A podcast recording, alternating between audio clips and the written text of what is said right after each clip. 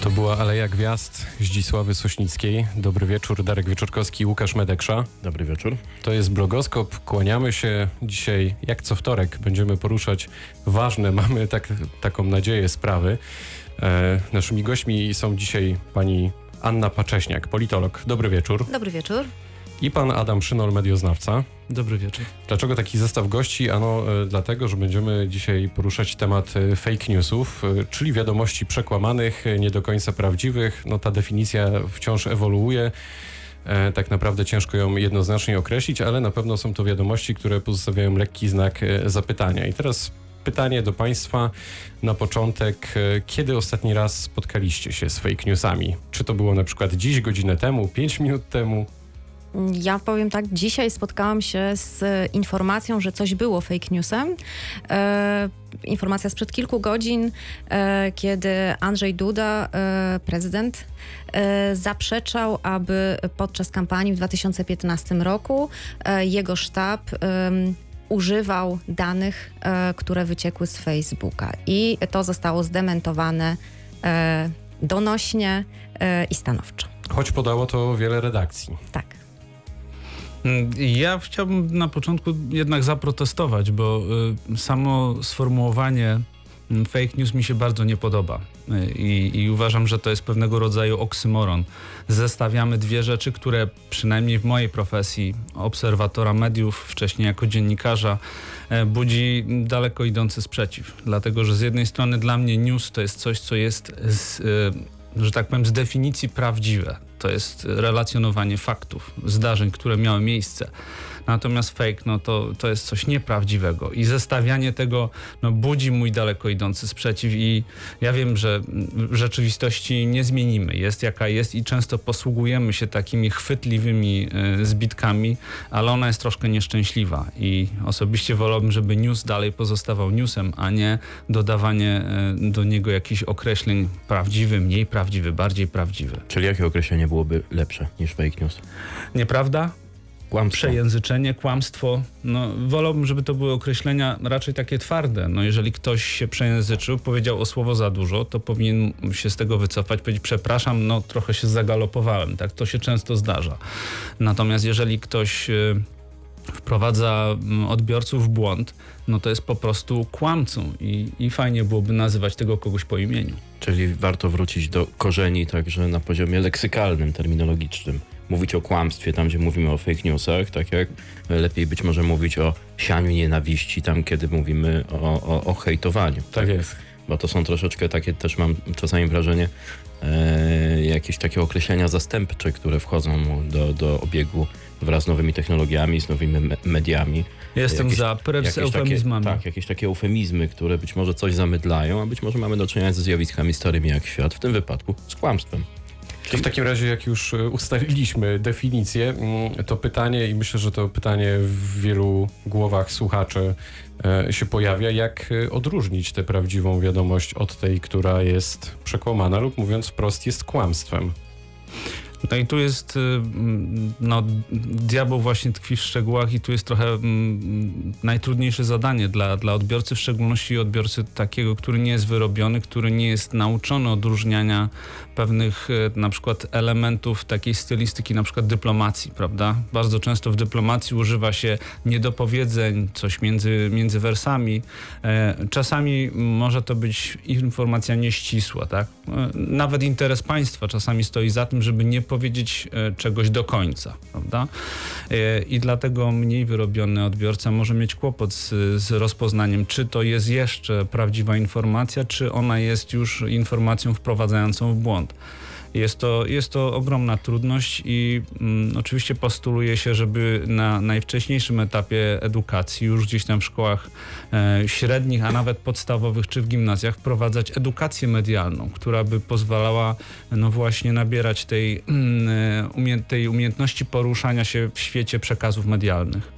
To jest oczywiście bardzo trudne, znaczy nie wprowadzenie edukacji medialnej, bo pewnie chcielibyśmy, ja jako politolog bym jeszcze powiedziała edukację obywatelską, tak, żebyśmy widzieli jak politycy nami manipulują, wszelcy arty, artyści powiedzą, że edukację estetyczną i tak dalej, i tak dalej.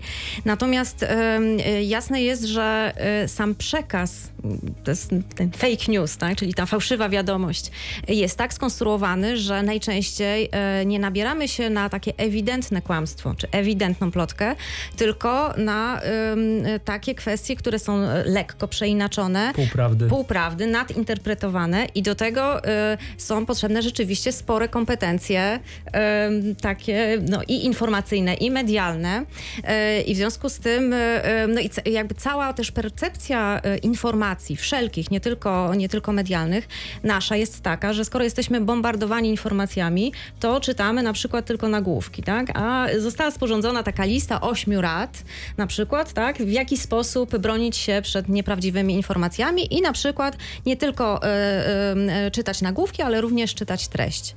No konia z rzędem temu, kto rzeczywiście w ten sposób odbiera informacje. Więc y, jasne jest, że y, proste to nie jest, zwłaszcza, że za tworzeniem fałszywych informacji stoi sztab y, ludzi, nie tylko ludzi, tak?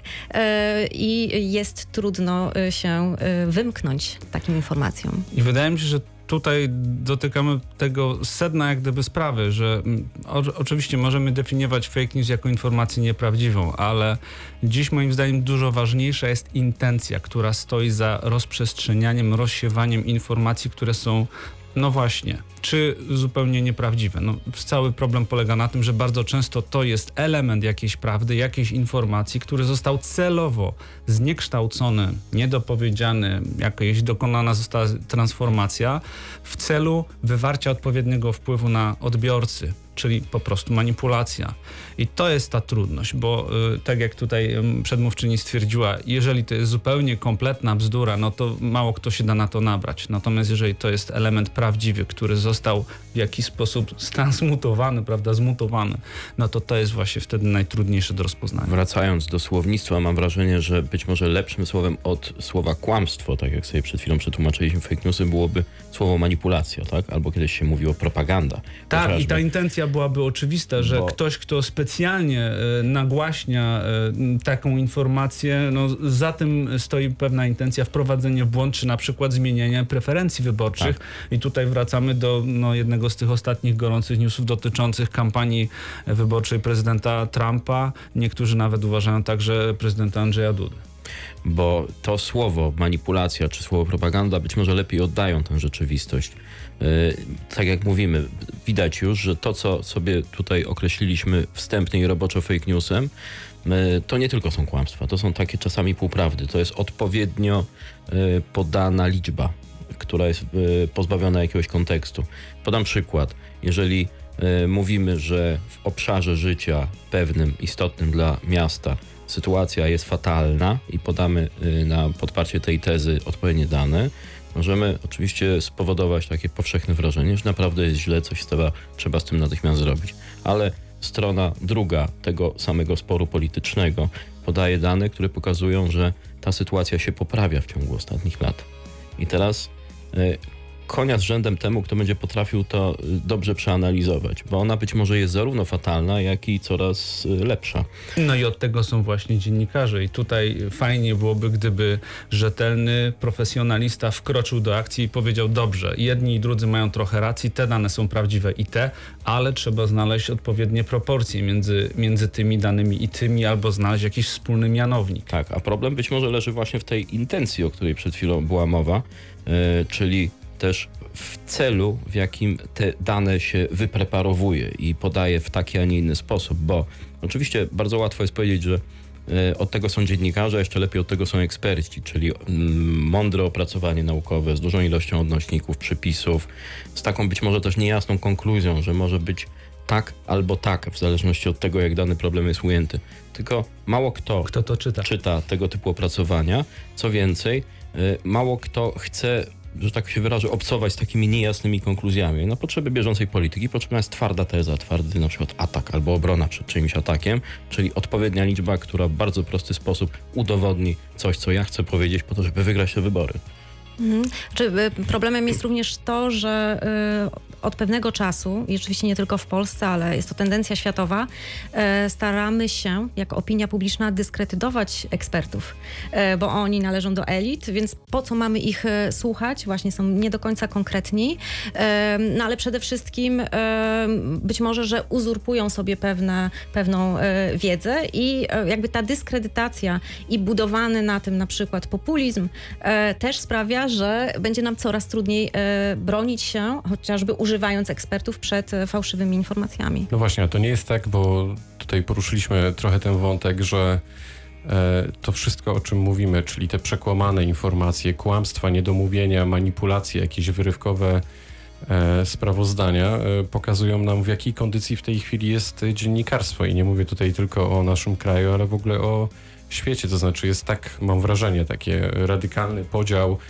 co do różnych tytułów prasowych, tych, które sympatują z prawicą, tych, które sympatyzują e, z lewicą, e, że siłą rzeczy ten przekaz newsów jest po prostu no, przekłamany. Ja myślę, że to nie tylko kwestia mm, jak gdyby kondycji dziennikarstwa, ale także zmieniających się warunków e, pracy dziennikarzy. I mm, jakbyśmy tutaj nie chcieli tej mm, prawdy zakopywać, to niestety bardzo mocny udział dzisiaj e, świata mediów społecznościowych. E, W jednym z raportów, które wyczytałem za ubiegły rok, w Polsce było rozprzestrzenionych 115 tysięcy fake newsów, z czego 73% na Twitterze. Więc to pokazuje pewnego rodzaju skalę zjawiska. I nie da się bardzo często dziennikarzom no, regulować przepływu informacji przez social media, no bo to są no, z nazwy media społecznościowe, to ludzie tworzą te media i ludzie wymieniają między sobą e, te treści. I, i, I tutaj znowu z drugiej strony specjaliści, już wracając też do, do, do tej afery Cambridge Analytica, e, myślę tutaj była bardzo e, zagmatwana kwestia tego, jak otaczali pojedynczych wyborców w Stanach A Zjednoczonych. powiedzmy i- dwa zdania, co to, co to dokładnie był za mechanizm, na czym to polegało? Mm, Prawdopodobnie wyglądało to w ten sposób, że y, dotarto do y, danych 50 milionów osób no, przy, głosujących w wyborach prezydenckich w Stanach Zjednoczonych i wokół tych osób na przykład generowano jakieś tam jakieś newsy, które docierały do tych osób. W pewnym sensie dla tego mniej wyrobionego czytelnika, zwłaszcza nieobytego w świecie mediów społecznościowych, otaczanie go takimi treściami, które mogły wpływać na, na przykład na jego preferencje wyborcze. Generowano, czyli sztab generował w domyśle. E, tak, oczywiście. Czyli to była operacja, która miała na celu zwycięstwo wyborcze, ale samo to jeszcze niekoniecznie jest y, fake newsem czy kłamstwem, tylko bardziej manipulacją opinią publiczną. Tak, prawda? skłanianie, nakłanianie, ale y, robione to było z tego, co dzisiaj wiemy, prawdopodobnie za wiedzą Facebooka i dlatego y, dzisiaj wielu polityków, także w Wielkiej Brytanii, w Stanach Zjednoczonych życzy sobie, żeby Mark Zuckerberg odpowiedział na te zarzuty, bo one są bardzo poważne. Czyli mamy tutaj kryzys wiarygodności mediów społecznościowych jako takich, dlatego że Facebook no to jednak jest ta lokomotywa tego zjawiska. Jest. Ale ja myślę też, że problemem jest to, to co mnie denerwuje w e, mediach tradycyjnych, ale nawet w tej elektronicznej wersji, no ale jednak wchodzę na profile konkretnych e, gazet, tytułów e, i okazuje się, że bardzo często dziennikarze budują newsy nie e, na podstawie mediów społecznościowych.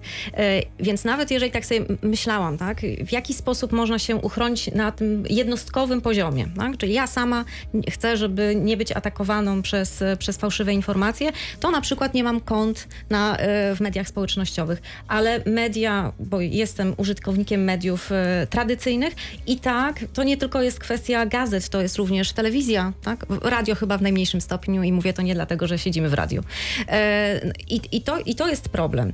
W związku z tym, e, znaczy może nie w związku z tym, ale obok tego e, okazuje się, że politycy też dostrzegli ten, ten problem e, i próbują na poziomie państwowym, rządowym w jakiś sposób kontrolować i chronić własnych obywateli przed fałszywymi informacjami. No ale niestety zaraz się pojawia pytanie o cenzurę. Oczywiście, bo cenzura zawsze była tak uzasadniana, że chcemy chronić własnych obywateli przed złem, przed fał fałszem, przed kłamstwem. E, I, i, I dlatego ten kij ma dwa końce niestety. Są Tak. zakusy, przepraszam, są zakusy, żeby nawet y, wygenerować taką ustawę e, anty-fake newsową I, i wiemy, że jeden z posłów e, tym się właśnie w tej chwili zajmuje, ale pozostali nawet z tego samego środowiska się mocno od tego dystansują. A byliby Państwo za taką ustawą? Myślę, że to nie jest dobry pomysł. Y, Nadregulacja y, raczej będzie tutaj y, kierowała nas w stronę właśnie cenzury. Nie, myślę, że to jest zły Tak, pomysł. raczej to powinna być, nie wiem czy ustawa, tak, ale sygnał od państwa, że właśnie na poziomie edukacji w szkołach, bo to jest chyba najłatwiej zrobić. Czy wreszcie po stronie dziennikarskiej różnego rodzaju kody etyczne, prawda, w, w redakcjach y, pewne zapisy, które również w jakiś sposób by wymuszały ze strony dziennikarzy na przykład konieczność weryfikowania informacji zaczerpniętej z Twittera czy, czy Facebooka jeszcze w jakimś innym źródle, prawda, żeby nie było sytuacji takiej, że nagle portal jeden czy, czy drugi ogłasza śmierć papieża, prawda. Ale y, nawet jeżeli wyłączymy wszystkie media i te tradycyjne i te społecznościowe, zostaje jeszcze jeden obiekt, który jest nie do wyłączenia, to jest plotka. Plotka Ale- podawana z ust do ust, czy w obecnych realiach z czatu do czatu. Plotka, która jest nieweryfikowalna, bo nawet jeżeli spytalibyśmy e, bohatera danej plotki o jej prawdziwość, to zawsze gdzieś tam z tyłu głowy trochę powątpiewamy w jego zaprzeczenie, tak?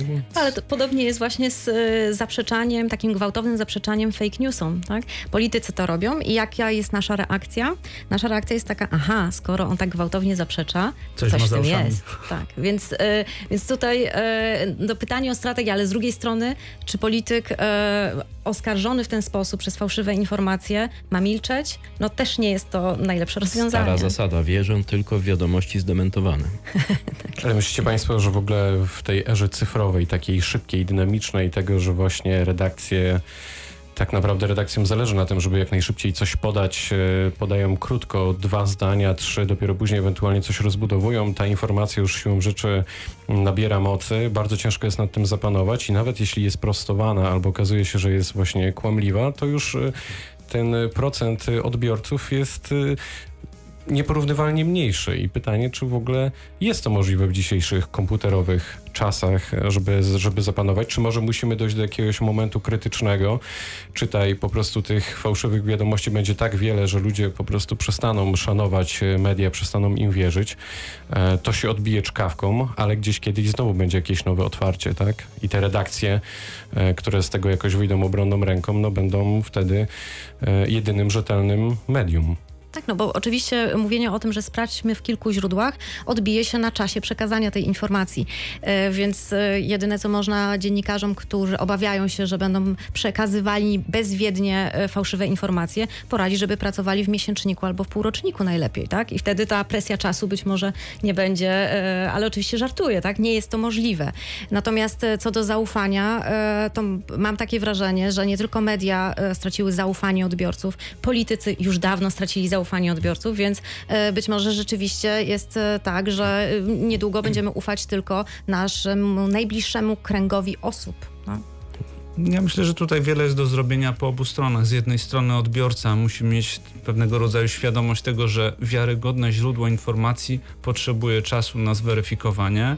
E, Z drugiej strony, że na przykład informacja dobrze opracowana na przykład powinna kosztować, jeżeli mówimy o internecie i tak zwane paywall, że za tą informację, jeżeli ona rzeczywiście ma pochodzić z wiarygodnego, dobrego źródła, gdzie zatrudniani są profesjonaliści, tym ludziom trzeba zapłacić, więc i za te informacje trzeba zapłacić. Więc to jest jak gdyby strona medalu, a druga, e, no dziennikarze również powinni być dobierani e, według pewnego klucza standardów profesjonalizacji zawodu i tak dalej, i tak dalej. Czy sądzicie Państwo, że fake newsy oraz e, w drugą stronę oskarżanie innych o to, że rozsiewają fake newsy, odegrają rolę podczas na przykład tegorocznej kampanii samorządowej? Jestem co do tego święcie przekonany. Niestety, jakkolwiek by to źle zabrzmiało.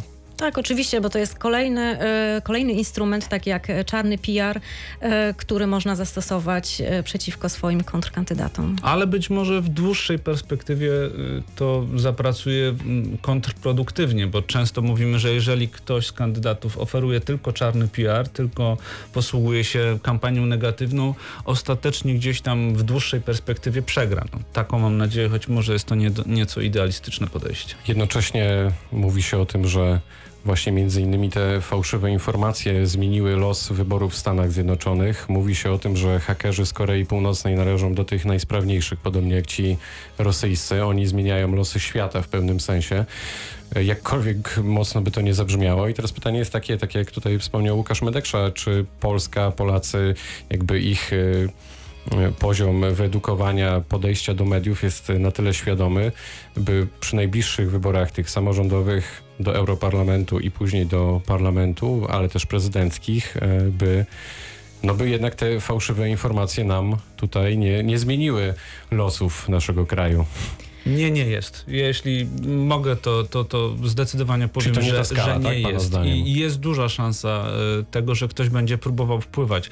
Może jeśli mówimy o siłach zagranicznych, to może nie na tym poziomie lokalnym, ale jeśli przyjdą wybory parlamentarne albo prezydenckie, to mm, jestem w stanie się o duże pieniądze założyć, że siły zewnętrzne, w szczególności te wiatry ze wschodu, będą próbowały antagonizować, będą próbowały zamieszać, bo to jest w pewnym sensie również strategia no, e, pewnych państw, e, żeby ciągle wywoływać pewne konflikty za granicą, bo wtedy łatwiej jest zapanować nad sy- sytuacją we własnym kraju.